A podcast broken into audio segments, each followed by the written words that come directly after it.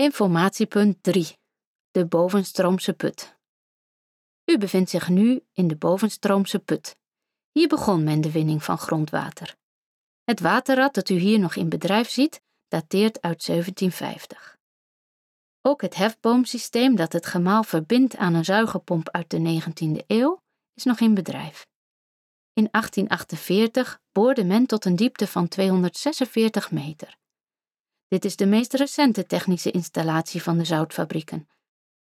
Het rad wordt aangedreven door het water van de rivier en brengt de hefboom in beweging. De hefboom op zijn beurt brengt de pomp in werking.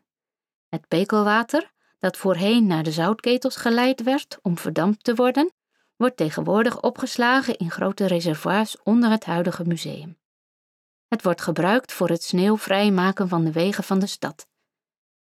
Het water voor de thermale baden in Salins wordt geleverd door de Muirenput, de voormalige kleine zoutfabrieken en de put van de Gordelier. De thermale baden, waar men vandaag de dag terecht kan voor ontspannings- en wellnessarrangementen, zijn ook erg bevorderlijk in de behandeling van reuma. Wij verzoeken u nu door te lopen naar informatiepunt 4 in het verdampingsgebouw of ketelhuis.